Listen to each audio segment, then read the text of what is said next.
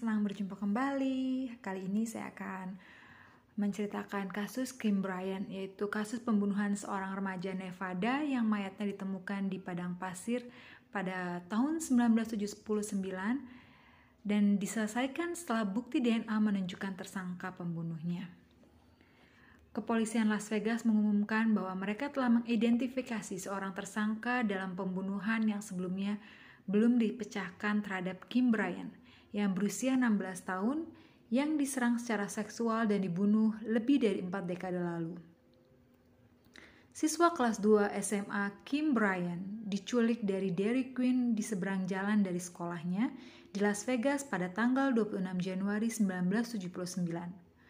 Berita lokal mengikuti kisah penculikan dan pembunuhan Kim selama bertahun-tahun, tetapi tidak ada tersangka yang pernah didakwa sehubungan dengan pembunuhannya. Penculikan terjadi siang hari pada tahun 1979 terhadap seorang gadis remaja di Las Vegas. Hal ini mengejutkan masyarakat setempat meskipun hanya beberapa minggu sebelum tubuh Kim Bryant ditemukan di gurun di sekitar kota. Dalam empat dekade sejak saat itu, pembunuhan Kim Bryant tetap menjadi salah satu misteri yang paling tragis dan abadi di selatan Nevada. Sebuah uraian singkat dimuat di koran lokal Las Vegas pada awal Februari 1979, sekitar seminggu setelah Kim Bryant yang berusia 16 tahun hilang dari Dairy Queen di seberang jalan dari Western High School. Koran lokal dan stasiun radio menolak untuk mempublikasikan hilangnya Kim sampai Kim secara resmi dinyatakan hilang oleh polisi. Kim Bryant adalah seorang siswa yang berusia 16 tahun, siswa kelas 2 di Western High School. Tiba pada pagi hari 26 Januari 1979 di mana ia bergabung dengan kerumunan teman-teman sekelasnya memasuki gedung untuk hari pendaftaran dan memilih kelasnya untuk tahun yang akan datang. Kim dikenal oleh teman-temannya karena sifatnya yang ceria dan pakaiannya pagi ini berupa mantel bulu kelinci yang menutupi blus pullover putih yang dikenakan di atas kemeja hitam. Cocok dengan kepribadiannya. Setelah dia selesai mendaftar untuk kelas, Kim berjalan dengan seorang teman melintasi Decatur Boulevard, sebuah jalan sibuk yang membentang utara selatan di sisi barat kota. Keduanya berhenti di Dairy Queen tepat di seberang jalan dari lapangan sepak bola Western High School. The Dairy Queen masih belum buka sampai beberapa jam lagi, tetapi beberapa remaja lainnya sedang nongkrong di tempat parkir terdekat. Saat itu sekitar pukul 10 pagi. Tak lama setelah gadis-gadis itu tiba di Dairy Queen, sebuah Chevy tahun 1950-an dengan finishing primer abu-abu perak di amplas dan roda belakang yang terangkat, melambat hingga berhenti di depan Dairy Queen. Dua pemuda yang duduk di dalam mobil membuat beberapa komentar gak sopan kepada gadis-gadis sekolah menengah, yang ditanggapi oleh Kim dan temannya dengan kata-kata kotor juga. Mobil melaju dan kembali ke lalu lintas yang menuju ke selatan Dekatur. Tidak lama setelah pertengkaran dengan penumpang Chevy, mobil dari ibu teman Kim berhenti di Dairy Queen dan menawari Kim tumpangan. Kim memintanya untuk menunggu sebentar sementara ia berlari ke telepon umum terdekat. Dia kembali dan berterima kasih kepada ibu temannya atas tawaran itu, tetapi memberitahu mereka bahwa pacarnya sedang dalam perjalanan untuk mengantarnya pulang. Mereka pergi dan Kim dibiarkan berdiri sendiri di depan Dairy Queen saat itu sekitar pukul 10 lebih 10 pagi. Tidak lama setelah Kim menelepon di telepon umum pacarnya berhenti di tempat parkir Dairy Queen tetapi tidak ada tanda-tanda kehadiran Kim. Dia menunggu sebentar sebelum pergi. Pacarnya mengira Kim pasti menumpang dengan orang lain. Saat itu sekitar pukul 10.30 pagi.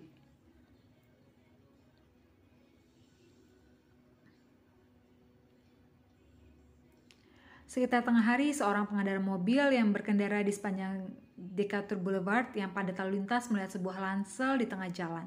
Sang supir menepi dan memeriksa tasnya. Saat dibuka, dia menemukan SIM dan barang-barang pribadi lainnya milik Kim Bryant. Supir menggunakan telepon umum untuk menelepon rumah Kim, tapi tidak ada yang menjawab. Kembali ke rumah Kim di Banjo Circle, ibunya Sherry Elliott mulai khawatir. Dia dan Kim seharusnya pergi berbelanja pada pukul 12.30 dan tidak seperti biasanya putrinya terlambat tanpa menelepon. Sherry keluar untuk mencari Kim. Tapi Kim tidak akan pernah pulang. Ibu dan ayah tiri Kim menunggu sekitar satu jam setelah hari mulai gelap pada 26 Januari sebelum mengemudi ke Departemen Kepolisian Metropolitan Las Vegas untuk melaporkan putri mereka hilang. Mereka memberitahu petugas bahwa Kim bukan tipe anak yang suka melarikan diri dan bahwa dia akan menelpon jika akan terlambat bahkan kalau hanya terlambat 15 menit. Tetapi uh, mereka memberitahu juga bahwa terjadi pertengkaran mulut dengan putri mereka pada malam hari sebelum Kim menghilang. Karena hal itu polisi mengatakan, itu kayaknya putri mereka melarikan diri deh. Dan petugas menyimpulkan Kim mungkin tinggal di rumah seorang teman. Orang tua Kim menghubungi surat kabar lokal dan stasiun radio, memohon mereka untuk menyiapkan pesan tentang putri mereka yang hilang. Namun media menolak untuk mengambil tindakan apa pun sampai polisi secara resmi melaporkan Kim hilang. Setelah semalaman dengan sia-sia berkeliling kota untuk mencari Kim, ayah tirinya menerobos masuk ke kantor polisi metro Las Vegas dan menuntut agar tindakan lebih diambil untuk menemukan gadis yang hilang itu.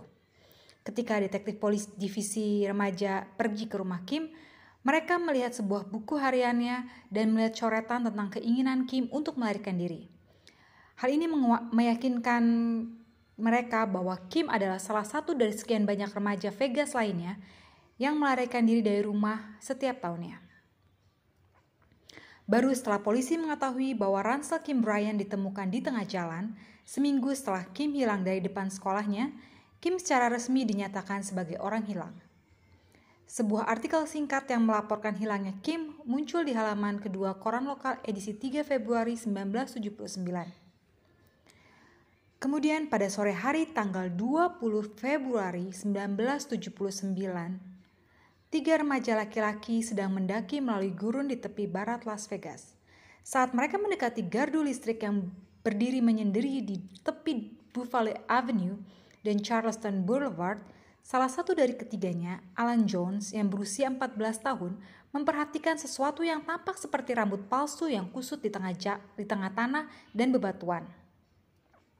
Ketika remaja itu mendekat sebelum berhenti ketika mereka melihat tubuh Kim Bryan terbaring tertungkup di selokan yang dangkal. Beberapa puing menutupi mayatnya yang merupakan upaya tergesa-gesa oleh pembunuhnya untuk menyembunyikan TKP.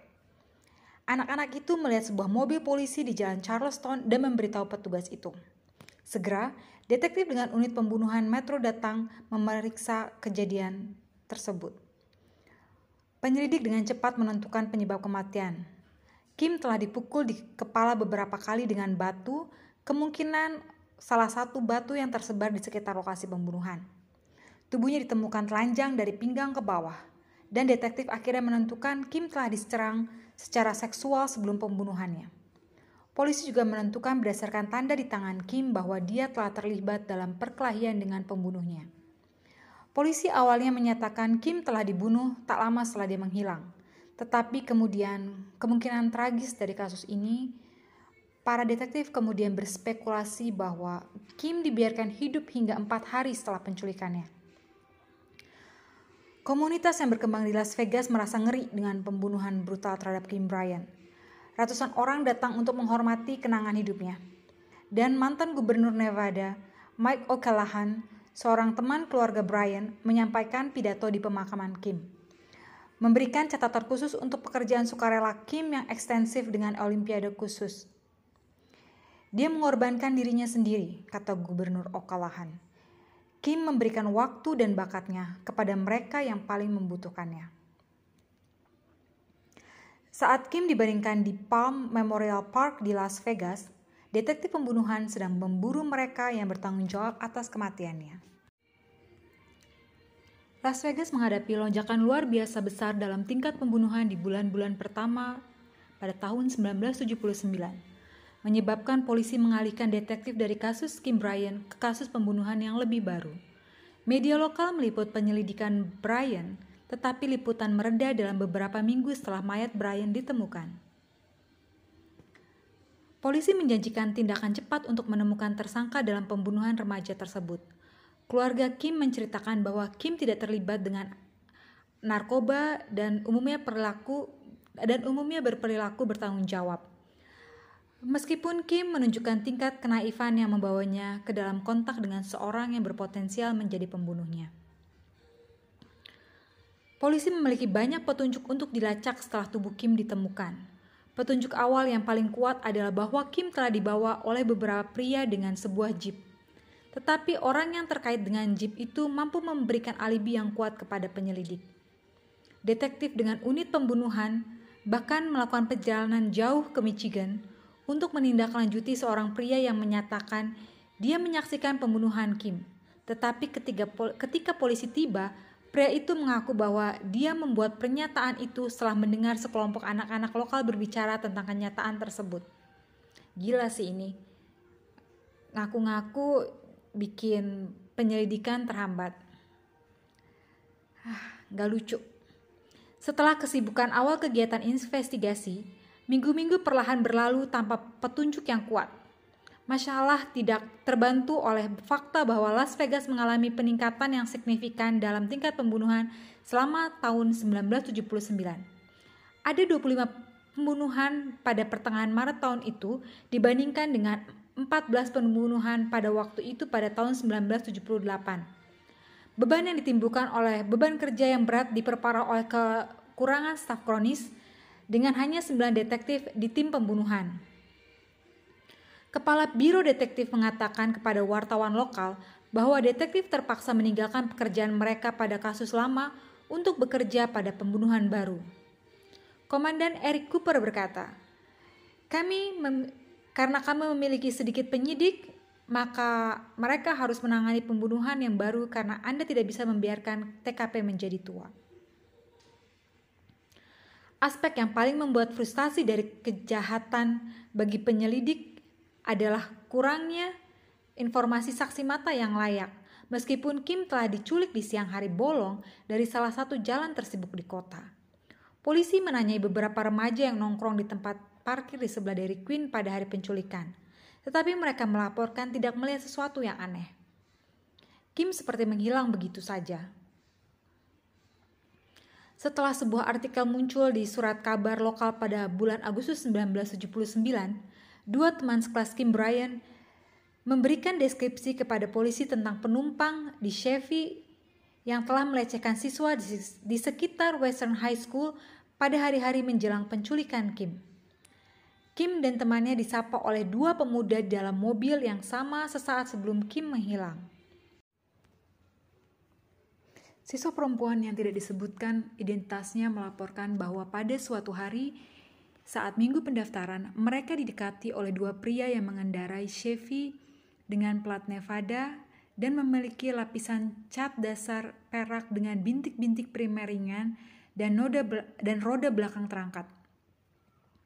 Para pria berusaha memujuk gadis-gadis itu ke dalam mobil mereka dengan menawarkan perhiasan kepada mereka.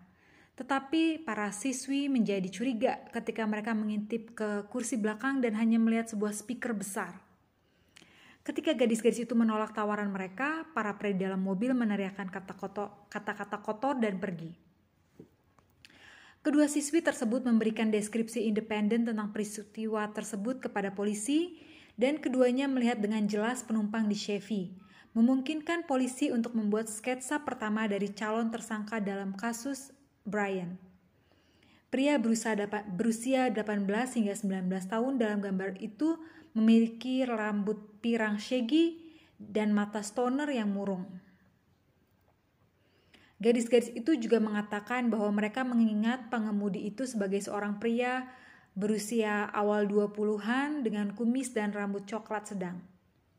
Detektif Bob Hilliard, kepala penyelidikan pembunuhan, mengatakan tentang para tersangka. Keduanya tampak seperti tipe hippie yang jorok. Dua saksi remaja juga melaporkan rincian tambahan bahwa para pria itu terlihat mendekati siswa lain pada hari sebelumnya, termasuk sekelompok siswa laki-laki di tempat parkir sekolah menengah.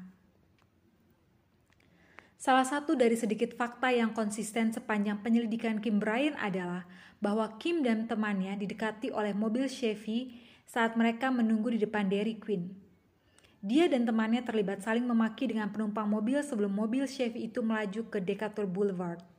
Kedua saksi tak dikenal yang dimintai keterangan tentang para penumpang Chevy itu mengatakan kepada polisi bahwa para pria itu menjadi marah ketika para gadis menolak untuk masuk ke dalam mobil mereka. Telepon membajiri polisi setelah berita lokal memuat sketsa calon tersangka dalam pembunuhan Brian. Untuk pertama kalinya ada wajah untuk dikaitkan pada kejahatan itu. Tetapi gebrakan aktivitas ini meredup setelah beberapa minggu karena tidak ada satupun dari lusinan petunjuk yang mengarah pada nama untuk dihubungkan dengan sketsa. Seperti yang terjadi dalam pembunuhan yang belum terpecahkan, ada pasang surut dalam perkembangan kasus tersebut. Setelah kasus Brian meningkat selama musim panas 1979, laju penyelidikan kembali melambat hingga hampir berhenti pada akhir tahun. Sekarang kita akan membicarakan kemungkinan tersangka pada pembunuhan Kim Brian. Bobby Jean Thomas Seorang tukang atap berusia 37 tahun hilang sehari setelah penculikan Kim Brian. Lebih dari sebulan berlalu sebelum tubuhnya ditemukan di jalan sekitar satu mil dari bendungan Hoover. Bobby Thomas menderita sekitar 36 tusukan termasuk satu di mata dan tubuhnya telah disodomi setelah kematiannya. Tidak lama kemudian, sisa-sisa tubuh Bobby Thomas yang telah dimutilasi ditemukan di jalan gurun.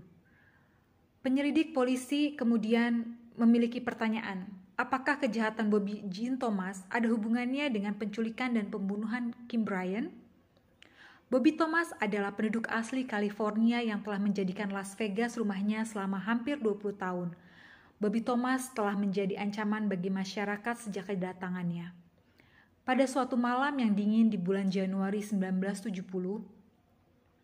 Christine McKinney yang berusia 20 tahun mencoba menyalakan kendaraannya yang mogok di Las Vegas Boulevard pada sekitar pukul 10 malam.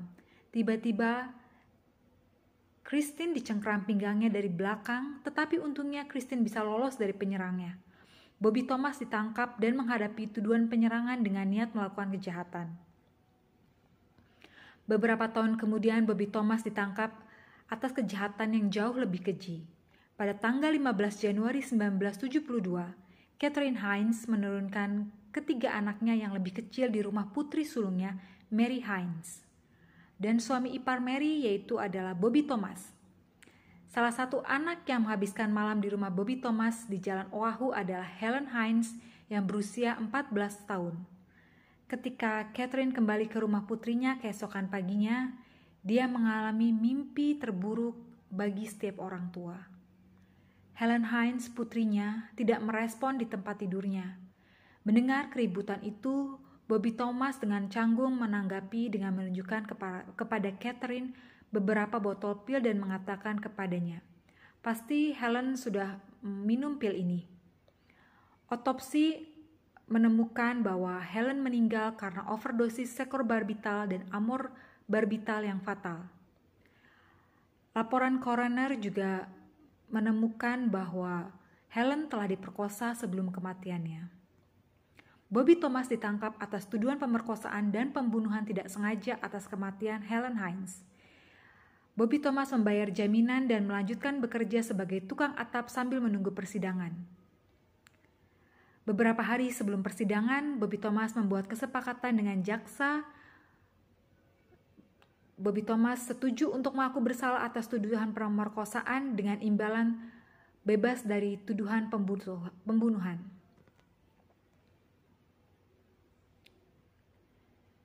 Itu adalah sidang rutin di Clark County Courthouse di mana Thomas menceritakan fakta-fakta yang merupakan kejahatan yang dia akui bersalah.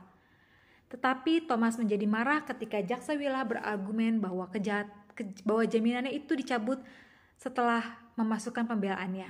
Jaksa berargumen bahwa karena Thomas telah mengaku bersalah, dia tidak lagi mendapat manfaat dari dianggap tidak bersalah.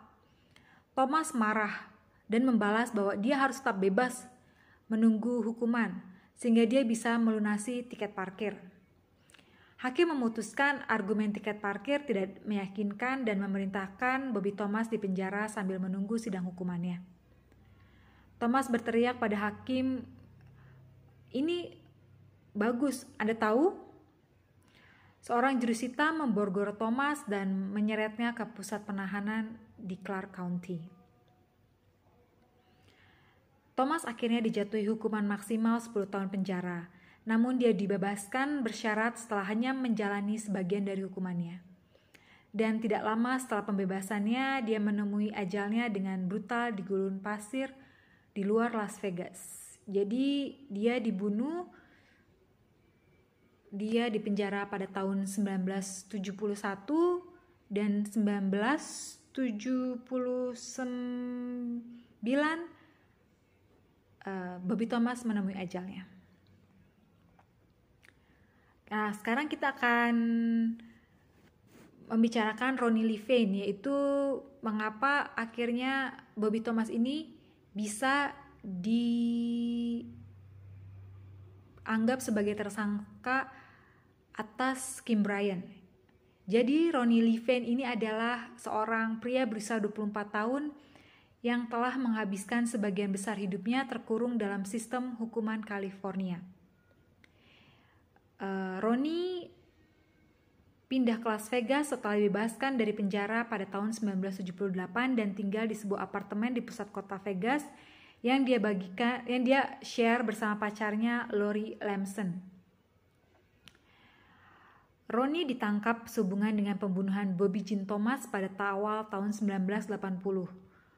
Setahun setelah tubuh Bobby Thomas ditemukan ditikam di sepanjang jalan terpencil di dekat bendungan Hoover.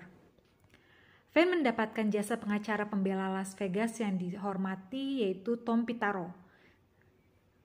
Tak lama setelah itu, Van, uh, Ronnie Van menghubungi jaksa itu untuk membuat kesepakatan. Dia tidak hanya mengakui pembunuhan Thomas, tapi dia juga memberi pihak wewenang informasi yang memungkinkan mereka untuk menutup kasus pembunuhan Kim Bryant. Di ruang, di ruang sidang Las Vegas pada 22 April 1980, Ronnie Levine berdiri di hadapan hakim pengadilan distrik Carl Christensen dan mengaku bersalah atas tuduhan pembunuhan tingkat 2 karena membunuh Bobby Thomas. Apa yang Anda lakukan pada 27 November 1979 yang menyebabkan Anda mengaku bersalah atas tuduhan ini? Hakim Christensen bertanya. Ronnie Van menjawab bahwa dia membunuh Thomas pada bulan Februari tahun sebelumnya, menyebabkan hakim mengoreksi dia mengenai tanggal pembunuhan Thomas. Van, eh, Ronnie Van kemudian melanjutkan untuk menceritakan peristiwa 27 Januari 1979. Dia telah bersama-sama dengan Bobby Thomas dalam perjalanan bersama dua pria lainnya. Yang satu dia kenal sebagai Worm dan yang lainnya dia kenal sebagai Hulk. Ke hutan, di Gunung Charleston, untuk minum-minum di sore hari. Dengan malam yang turun lebih awal, kelompok itu melakukan perjalanan kembali menuju lampu-lampu Las Vegas. Setelah menurunkan Worm dan Hulk, hanya Ronnie Vane dan Bobby Thomas di dalam mobil. Bobby Thomas dalam keadaan mabuk mulai memberitahu teman barunya yaitu Ronnie Vane tentang bagaimana dia telah berpartisipasi dalam penculikan, pemerkosaan, dan pembunuhan seorang gadis remaja sehari sebelumnya. Ronnie Vane mengaku merasa terikat untuk membalas kematian gadis itu. Dia parkir di tempatnya dan mengambil pisau. Ketika Ronnie Vane kembali ke mobil, dia tidak menunda sebelum menebas Thomas sampai mati menusukkan setidaknya tiga lusin tusukan dari pisaunya. Setelah membunuh kenalan barunya, Ronnie Van pergi ke daerah terpencil di sekitar bendungan Hoover untuk membuang mayatnya. Saya marah ketika dia mulai membual tentang apa yang dia lakukan, kata Ronnie Van di pengadilan. Itu sebabnya aku membunuhnya. Ronnie Van lulus dua tes mendeteksi kebohongan yang dilakukan secara independen sebelum jaksa menerima pembelaannya. Detektif Herb Barrett, penyelidik utama dalam pembunuhan Thomas, sangat bergantung pada kemampuan Vane untuk lulus ujian poligraf. Ia juga menemukan fakta yang meyakinkan bahwa Ronnie Van mengidentifikasi merek bir dengan benar pada botol yang terletak di dekat tempat pembuangan Kim Bryan. Barrett mengatakan kepada wartawan bahwa Kim Bryan ter terakhir terlihat hidup di dalam mobil dengan empat pria. Surat-surat tulisan tangan yang diajukan oleh Ronnie Levine setelah menyerahkan pengakuannya atas pembunuhan Bobby Thomas Ronnie Van mengklaim dia seharusnya dinyatakan tidak bersalah atas pembunuhan Bobby Thomas dengan alasan uh, ketidakwarasan. Tetapi detektif Bob Hilliard, kepala penyelidikan Kim Bryan, ragu apakah Thomas berada di balik pembunuhan Kim. Seorang tidak dikenal yang menyaksikan penculikan Kim dari depan Dairy Queen ditunjukkan jeep yang diidentifikasi oleh fans sebagai kendaraan yang digunakan Thomas untuk menculik Kim. Saksi itu memberitahu detektif Hilliard bahwa itu bukan jenis kendaraan yang digunakan untuk menculik Kim. Setelah meninjau hasil ujian poligraf Vane, detektif Hilliard menyimpulkan bahwa Vane jujur dalam menyangkal bahwa dia memiliki peran dalam pembunuhan Kim Bryan dan bahwa Thomas telah membuat keributan yang tidak jelas tentang menyerang seorang wanita. Keraguan Hilliard meningkat ketika polisi menerima laporan yang kemudian dikonfirmasi dari seorang wanita yang dibawa ke padang pasir oleh Bobby Thomas sehari sebelum pembunuhannya. Thomas telah berusaha memperkosanya, tetapi karena tidak mampu melakukannya, dia meminta maaf kepada wanita itu dan membiarkannya pergi. Orang tua Kim Bryan pindah dari Las Vegas setelah kematian putri mereka, tetapi mereka terus mendesak polisi untuk mendapatkan informasi tentang status Kim dan pertengahan 100, uh, 1980-an muncul tersangka baru. Kemungkinan bahwa pembunuhan Kim adalah salah satu dari beberapa yang dilakukan oleh pembunuh berantai lintas negara yang kejam. Robert Ireland tiba di Las Vegas dari San Francisco sekitar tahun 1977 dan dalam waktu singkat dia menjalin asmara dengan seorang guru sekolah setempat bernama Sylvia. Pada tahun yang sama, pasangan itu pergi mengunjungi ibu Sylvia di rumahnya di New Haven, Connecticut. Robert yang berdagang di industri konstruksi melakukan pekerjaan renovasi yang dia harapkan akan menjadi rumah ibu mertuanya di masa depan. Pada suatu saat selama perjalanan, Robert meminta Sylvia untuk menemaninya ke kantor statistik vital di daerah itu untuk mendapatkan salinan akta kelahirannya yang sebenarnya. Setelah pasangan itu kembali ke Las Vegas, Robert memperoleh perubahan nama resmi menjadi apa yang dia klaim sebagai nama lahir aslinya, Robert Generoso. Robert dan Sylvia Generoso menikah di Las Vegas pada November 1977 dan tinggal di lingkungan kelas menengah di sisi barat kota. Kurang dari 10 menit berkendara dari tempat mayat Kim Bryan akan ditemukan. Robert memutuskan untuk melakukan pengecatan dan pemasangan insulasi di lokasi pembangunan di sekitar kota, sementara Sylvia terus bekerja untuk distrik sekolah Clark County. Tidak lama pasangan itu dikaruniai seorang anak pada 17 Januari 1980. Terlepas dari penampilan luar yang bahagia yang dihadirkan oleh pernikahan Generoso, Robert memiliki kehidupan rahasia yang jauh lebih gelap yang tersembunyi dari istrinya. Hampir setahun setelah penculikan Kim Bryan, di siang hari di depan sekolahnya, Susan Belote, lulusan SMA Clark berusia 18 tahun meninggalkan pekerjaannya di Al Phillips Cleaner di persimpangan Eastern Avenue dan Bonanza Road di sekitar jam 4 sore, dia tidak pernah berhasil pulang. Beberapa bulan kemudian, Sekitar pukul 12.30 pada malam 20 Juni 1980, Cheryl Daniel yang berusia 19 tahun dan pacarnya memarkir jeep mereka di depan supermarket Alpha Beta yang terletak di Spring Mountain Road dan Rainbow Boulevard. Pacar Cheryl berlari ke toko untuk mengambil sesuatu, tetapi ketika dia keluar sekitar 5 menit kemudian, dia terkejut menemukan jeep itu diparkir di tempat yang berbeda sekitar 150 kaki dari tempat dia meninggalkannya. Ketika pasar Cheryl berjalan ke jeep, dia tidak bisa ditemukan. Dompetnya yang berisi 40 dolar masih di lantai kendaraan. pacar Cheryl menghabiskan 4 jam berikutnya mencari toko terdekat di sekitar daerah itu dengan harapan dapat menemukan Cheryl, tetapi tidak menemukan tanda-tanda pacarnya. Cheryl telah menghilang. Berbulan-bulan kemudian, polisi mengatakan kepada pers bahwa mereka yakin Cheryl Daniel telah memindahkan jeepnya untuk membantu Ford Ranchero merah marun yang dikendarai oleh seorang pria kulit putih berusia 30 tahunan. Mayat seorang gadis lainnya bernama Susan Belote ditemukan pada tanggal 26 Mei 1980 sekitar satu mil dari dekat kota St. George di Utah Selatan. Meskipun butuh enam bulan untuk mengidentifikasi mayatnya, Susan Belote telah dibunuh dengan dicekik.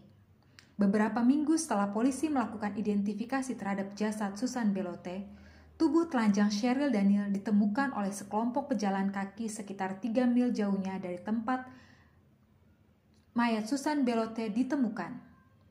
Cheryl meninggal karena luka tembak di kepala.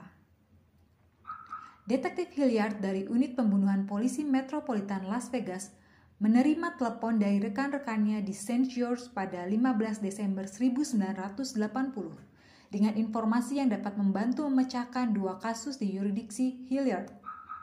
Polisi di St. George melaporkan bahwa kartu identitas milik Robert Generoso ditemukan di dekat tubuh Cheryl Daniel. Hilliard segera mengambil langkah untuk menemukan tersangka pembunuhan, tetapi sudah terlambat. Robert Generoso berpisah dari Sylvia sekitar awal atau pertengahan tahun 1980. Kemudian Robert tiba-tiba menghubungi Sylvia pada 3 Desember 1980 untuk memberitahu Sylvia bahwa dia akan meninggalkan Las Vegas ke suatu lokasi rahasia. Penyelidik kemudian menentukan bahwa Robert berada di Hawaii ketika dia menelepon Sylvia. Robert Generoso menelepon istrinya beberapa kali selama berminggu-minggu berikutnya untuk memberitahu tentang apa yang diketahui polisi tentang hubungannya dengan pembunuhan Cheryl Daniel dan Susan Belote. Robert bersikeras kepada Sylvia bahwa dia terjebak oleh polisi. Ketika detektif datang mengetuk pintu Sylvia untuk mendapatkan informasi tambahan tentang suaminya, gambaran yang lebih lengkap tentang teror yang dibawa suaminya ke lembah Vegas mulai terlihat.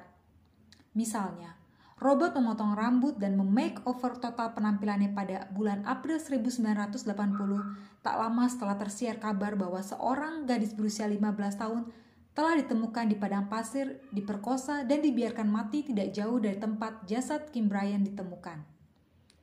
Gadis itu telah diculik saat berjalan di dekat SMP Garside sekitar pukul 18.00 pada tanggal 30 Maret 1980. Setelah diseret ke padang pasir, gadis itu dipukuli di kepala dengan batu oleh penyerangnya, membuatnya koma. Meskipun untungnya gadis itu akhirnya pulih dari luka-lukanya. Sylvia Generoso dengan cepat menyadari bahwa seluruh pernikahannya dipenuhi kebohongan. Dia mengetahui nama asli suaminya dari polisi, yaitu Stephen Peter Morin. Dan Stephen Morin telah menyembunyikan pembunuhannya dan kejahatan seks di sekitar Las Vegas dari istrinya. Media nasional tertarik dengan kasus Stephen Morin adalah karena kecenderungan Stephen Morin untuk mengubah penampilannya selama kejahatannya, membuatnya mendapatkan julukan The Chameleon atau bunglon. Stephen Peter Morin telah bermasalah dengan hukum sepanjang hidupnya. Ketika dia berusia 15 tahun, Morin ditangkap di Florida karena mencuri mobil dan dijatuhi hukuman 6 bulan hingga lima tahun di penjara negara bagian. Morin akhirnya menjalani hukuman lebih dari dua tahun dan dibebaskan pada 16 Juli 1968. Morin selanjutnya melanggar hukum pada tahun 1972 ketika dia tinggal di negara asalnya yaitu Rhode Island. Dia ditangkap karena memiliki LSD dan mencuri Ford Ranchero, jenis kendaraan yang sama yang nantinya akan terlibat dalam pembunuhan Cheryl Daniel. Morin dijatuhi hukuman percobaan lima tahun. Menyerah pada kecenderungan berpindah, Morin meninggalkan pantai timur menuju San Francisco pada sekitar tahun 1976. Bekerja sebagai montir mobil. Saat berpergian, Morin memastikan untuk mengubah penampilan fisiknya yang kemudian membuat pihak berwenang menjulikinya bunglon. Pada titik ini, Morin memiliki kesempatan untuk memulai hidupnya kembali tetapi ia terbukti tidak dapat mengendalikan dorongan hatinya dan kepindahannya ke pantai barat akan membuatnya meningkatkan kejahatannya ke tingkat baru yang kejam. Masalah hukum Morin pada awalnya hanya kejahatan kecil. Dia ditangkap di San Rafael pada 9 April 1976 karena memiliki jarum suntik dan menolak penangkapan. Walau akhirnya menerima satu tahun masa percobaan. Kejahatannya meningkat dan dia selanjutnya ditangkap karena membunuh kucing pacarnya dan kemudian mengirim jasa kucing itu ke tempat pacarnya. Morin dan pacarnya itu men kemudian menikah tetapi segera bercerai. Ya iyalah ya. Maksudnya kamu kenapa mau nikah sama pacar kamu yang udah ngebunuh kucing kamu terus ngirim bahkan ngirim bukan hanya dibunuh tapi mayat kucing kamu dikirim ke tempat kerja kamu itu teror nggak sih beberapa bulan kemudian pada bulan September di tahun yang sama Morin memikat seorang teman saudaranya yang berusia 14 tahun ke sebuah apartemen di mana ia menyiksa dan memperkosa gadis muda itu. Kejahatan brutal ini menyebabkan Morin didakwa oleh pengadilan San Francisco. Tetapi Morin selalu melangkah lebih maju dari hukum. Dia berpindah ke Las Vegas dengan nama samaran Robert Island dan langsung dekat dengan seorang wanita yang tidak curiga bernama Sylvia. Saat sedang berlibur dengan tunangan barunya, Stephen Morin mengunjungi perpustakaan Universitas Yale untuk melihat-lihat obituari hingga dia menemukan seorang pria yang usia dan penampilannya mirip dengan dirinya. Tak lama setelah polisi Las Vegas mulai menyelidiki Robert Generoso dan perannya dalam pembunuhan Cheryl Daniel dan Susan Belote, FBI, FBI memberitahu mereka tentang identitas asli Generoso. Tidak lama kemudian, polisi Vegas mencari hubungan antara Stephen, Peter Morin, dan pembunuhan wanita muda lainnya di sekitar kota, termasuk Kim Bryan. Detektif menemukan petunjuk pertama mereka ketika mereka menggeledah unit penyimpanan milik Morin di luar Valley View Boulevard dan menemukan sabuk makrame yang mirip dengan yang dikenakan Kim pada hari dia hilang yang belum ditemukan di TKP. Sylvia memberikan petunjuk lebih lanjut ke pembunuhan Brian ketika dia menceritakan kepada polisi bahwa suatu hari suaminya membawa pulang korek api emas rusak yang katanya ia temukan. Orang tua Kim mengatakan kepada penyelidik bahwa putri mereka, Kim Ryan, secara rutin membawa korek api emas, matches emas, yang rusak. Bukti kuat ini akan diperkuat begitu polisi mengaitkan kendaraan yang dikenalnya dengan pembunuhan Brian, sebuah Ford Transero, sekitar dua minggu sebelum dia menghilang. Kim memperkenalkan seorang memperkenalkan orang tuanya kepada seorang teman pria baru yang ia temui. Ia mengaku sebagai Joe dan mengatakan berusia 4, 24 tahun. Orang tua Kim mengingat teman baru putri mereka berpenampilan Italia. Joe membawa Kim dengan kendaraan yang mirip dengan Ford Ranchero berwarna gelap, mirip Morin, untuk bermain skating malam hari di Playland Skating Rink di Valley View Boulevard. Tetapi segera setelah Kim dan teman kencannya tiba di arena skating, perilaku teman kencan barunya ini tiba-tiba berubah menjadi agresif. Kim menjadi sangat tidak nyaman sehingga ia meminta seorang mantan pacar yang juga sedang berada di arena skating untuk mengantarnya pulang memberitahu mantannya ini bahwa dia takut untuk pulang dengan Joe. Kim dan mantan pacarnya diikuti dari arena skating oleh Ford Ranchero merah yang mengemudi dengan cara yang ugal-ugalan. Dan mantan Kim kemudian mengidentifikasi foto Morin sebagai pria yang hadir malam itu di Playland. Teman Cheryl Daniel juga mengidentifikasi foto Morin sebagai pria yang dikencani oleh Cheryl selama sekitar 6 minggu sebelum Cheryl mengakhiri hubungannya dengan Stephen Morin setelah mengetahui bahwa ia sudah menikah. Secara tidak langsung dengan pembunuhan Brian, Cheryl Daniel telah bertemu Maureen di Playland Skating Ring saat membawa adik perempuannya bermain skate. Cheryl Daniel juga memberitahu ibunya bahwa pacar barunya bekerja di industri konstruksi, yang cocok dengan pekerjaan Maureen sebagai kontraktor bangunan. Sylvia juga mengkonfirmasi ke polisi bahwa suaminya sering mengunjungi SPBU Terrible Herbs, tempat Cheryl Daniel bekerja sebagai juru tulis dan dia juga sering berbelanja di supermarket Alpha Beta di dekat rumah mereka tempat Cheryl Daniel diculik. detektif menemukan bukti tambahan yang mengikat pembunuhan Kim Bryan, Cheryl Daniel, dan Susan Belote ketika mereka mengetahui bahwa Maureen pernah membawa hewan peliharaan yang sakit ke penampungan hewan di Spring Mountain dan Jones, tempat Susan Belote bekerja di malam hari. Sylvia ingat bahwa pada tanggal 17 September 1979, dia dan suaminya membawa anjing pudel mereka ke klinik hewan yang sama. Malamnya, pasangan itu kembali untuk memeriksa anjing mereka. Maureen melakukan perjalanan sendirian ke area kennel untuk mengunjungi hewan itu pada saat yang sama ketika Susan Belote membersihkan area tersebut. Wanita muda itu hilang sekitar empat bulan kemudian, pada hari yang sama ketika Sylvia melahirkan. Stephen Maureen pertama kali melakukan perjalanan dari Hawaii ke California Utara. Meskipun dia buronan federal yang dicari, Maureen tidak dapat bersikap low profile. Dia ditangkap di Pleasanton, California karena mengacungkan pistol pada dua pria selama pertengahan Januari 1980. Maureen dibebaskan dengan jaminan 500 dolar sambil menunggu persidangan. Maureen menumpang mobil lebih dari 1000 mil sebelum akhirnya mendarat di Branch, Louisiana, di mana dia mulai bekerja sebagai masinis. Maureen terus bergerak dan melakukan perjalanan ke utara Buffalo, New York, di mana pembunuh berantai menggunakan kemampuan khasnya untuk mendapatkan kepercayaan dari orang-orang yang tidak curiga untuk memulai persahabatan yang dengan cepat berubah menjadi romantis dengan pemilik toko barang antik lokal bernama Rita. Ketika Maureen kembali ke jalan, dia meyakinkan Rita untuk menjual toko barang antiknya dan menggunakan uang itu untuk membeli mobil van untuk perjalanan mereka.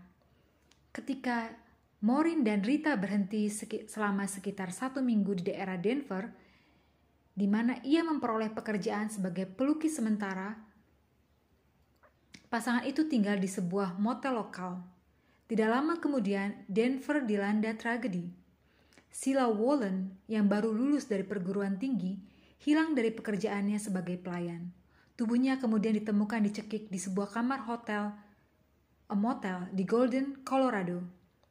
Stephen Morin melarikan diri dari Colorado sekitar November 1981. Morin dan Rita menuju selatan ke Texas. Tetapi ketegangan membara di antara pasangan itu saat mereka memasuki Lone Star State. Rita semakin frustasi pada pacar barunya yang terus-menerus melirik wanita lain. Sampai akhirnya Rita menjadi sangat muak dan Rita kembali ke New York.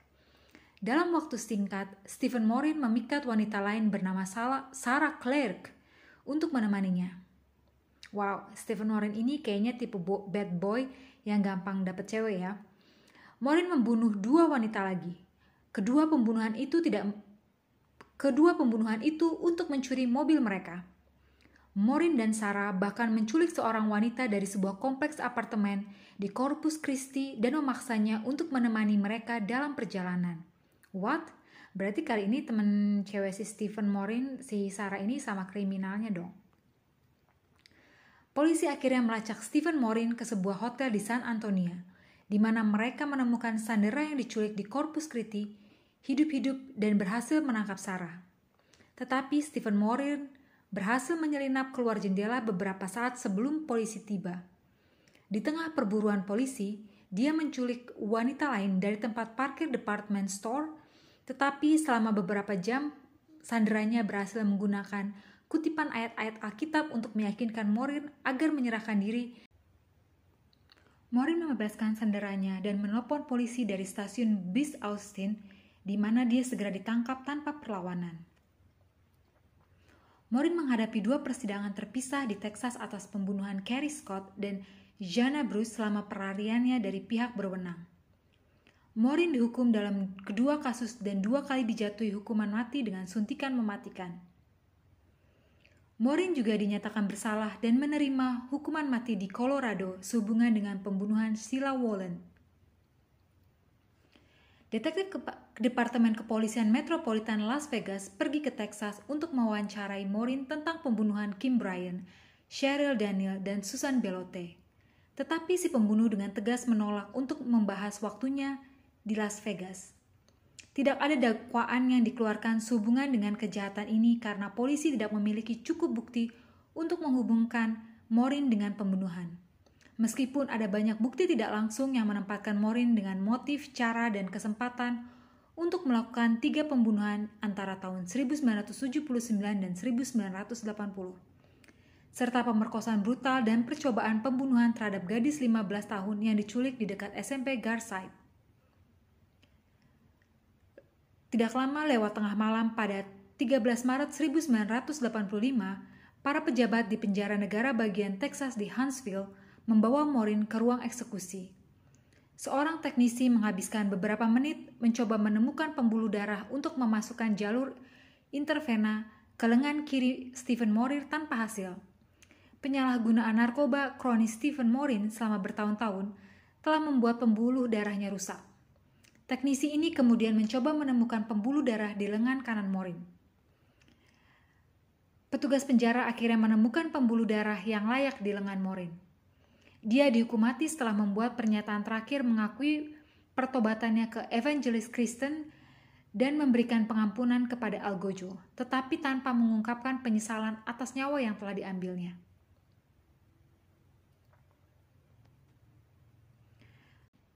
Ada juga petunjuk antara Morin dengan kasus Kim Bryan. Ada sabuk makrame yang ditemukan di loker penyimpanan Morin yang mirip dengan yang dikenakan Kim di hari dia menghilang.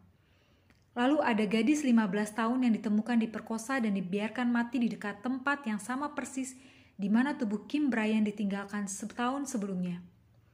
Korban remaja mengalami retak tengkorak dengan batu dekatnya, metode yang sama yang digunakan oleh pembunuh Kim dan kedua gadis itu ditinggalkan di tempat yang sama di Buffalo and Charleston setengah terlanjang. Tapi banyak detektif Las Vegas percaya mungkin ada tersangka lain selain Morin dalam pembunuhan Kim. Tidak kurang dari kepala divisi pembunuhan mencatat beberapa wanita muda lainnya ditemukan tewas di padang pasir dalam keadaan yang mirip dengan pembunuhan Kim Bryan setelah penangkapan Stephen Morin dan detektif utama dalam kasus Kim Bryan, Bob Hilliard, dipindahkan dari bagian detektif ke tugas patroli. Biasanya pemindahan ini dianggap sebagai penurunan pangkat karena diduga detektif Hilliard membocorkan informasi tentang kasus Morin kepada pers. Satu pertanyaan, apakah Hilliard terfokus pada Stephen Morin sebagai tersangka sampai-sampai dia membutakan dirinya terhadap kemungkinan lain? Ibu Kim mengomentari penangkapan Morin. Saya senang dia ditangkap, tapi saya ingin pas tahu pasti dia yang membawa Kimi. Kasus Kim Bryan tetap dibuka secara resmi oleh Departemen Kepolisian Metropolitan Las Vegas. Akhirnya di tahun 2021 ini, berdasarkan sperma yang ditemukan dari tubuh Kim Bryan saat otopsi, mengungkapkan bahwa Johnny Blake Peterson adalah orang yang menculik, melakukan pelecehan seksual, dan membunuh Kim Bryan. Pernyataan Letnan Ray Spencer saat konferensi pers. Johnny Black Peterson tidak pernah masuk dalam radar sebagai tersangka pembunuhan ini. Tambah Letnan Ray Spencer. Kami awalnya menemukan bukti DNA dari tersangka pada saat pembunuhan, kata Spencer namun kami tidak dapat membuat identifikasi. Letnan Ray Spencer memuji kontribusi seorang dermawan yang membayar serangkaian tes DNA tambahan terkait cold case ini. Sang dermawan adalah Justin Wu, donor berbasis di Sin City yang bersangkutan. Telah membantu departemen tersebut menyelesaikan kasus beku awal tahun ini dengan mendanai tes DNA tambahan di laboratorium swasta. Kami pertama kali mencoba DNA pada kasus khusus ini pada tahun 2008, kata Direktur Layanan Laboratorium LVMPD Kimberly Murga pada konferensi pers. Kami tidak bisa mendapatkan profil DNA. Kami kembali mencoba DNA pada item bukti yang berbeda pada bulan Januari tahun ini.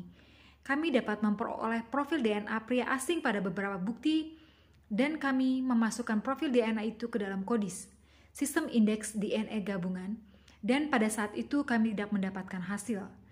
Kali ini, identifikasi positif datang melalui Outram Inc. yang berbasis di Woodlands, Texas, sebuah laboratorium forensik yang menyebut dirinya sebagai satu-satunya lab di United States atau Kanada yang dibuat hanya untuk mengidentifikasi secara akurat bagian yang lebih tua atau rusak dari peristiwa jejak atau DNA. Menurut juru bicara yang dikutip oleh afiliasi Fox lokal KVVU. John Peterson meninggal dunia pada Januari 1993 tetapi identitasnya sebagai tersangka berfungsi sebagai pengingat bagi keluarga korban bahwa kepolisian Las Vegas tidak akan berhenti menyelidiki keja kejahatan ini, tidak peduli berapa lama waktu yang telah berlalu, kata departemen itu dalam siaran pers. Detektif kasus beku pembunuhan LV MPD terus-menerus meninjau kasus, melihat kemajuan dalam teknologi dan meninjau petunjuk untuk mengidentifikasi mereka yang bertanggung jawab untuk mengambil nyawa orang lain. Johnny Black Peterson berusia 19 tahun pada saat dia menculik, memperkosa, dan membunuh Brian, membawanya pergi dari orang yang dicintainya selamanya. Kim Brian dan Johnny Peterson sama-sama bersekolah di Western High School, kata polisi. John Peterson bagaimanapun bukan siswa di sana pada saat pembunuhan Kim Bryan. Meskipun tidak jelas apakah mereka pernah berinteraksi. Pada April 1980, Peterson ditangkap karena penyerangan seksual, tetapi kasus itu dibatalkan, kata Spencer. Hmm, jadi aku menduga ya siang itu pada saat Kim diculik, kan saksi mata melihat ada dua orang di mobil jeep. Dugaan aku sih salah satunya si Johnny Peterson ini. Johnny menculik, memperkosa, dan membuat membuang mayat Kim, Brian di gurun. Terus dugaan aku satu orang lagi yang menjadi rekan kejahatan Johnny ini kayaknya Stephen Morin. Soalnya dari mana si Stephen Morin bisa dapetin matches uh, korek api emas sama sabuk makramenya Kim Bryan terlalu banyak kemungkinan yang sama. Nah, bagaimana menurut kalian? Apa kalian punya dugaan atau informasi yang lain yang lebih detail? Sebagai penutup, saya akan mengquote kata-kata dari ayah kandung Kim Bryan. Kim adalah gadis cantik dengan masa depan cerah. Dan itu membuat saya senang bahwa sesuatu sedang dilakukan untuk membantu menyelesaikan kasus seperti miliknya.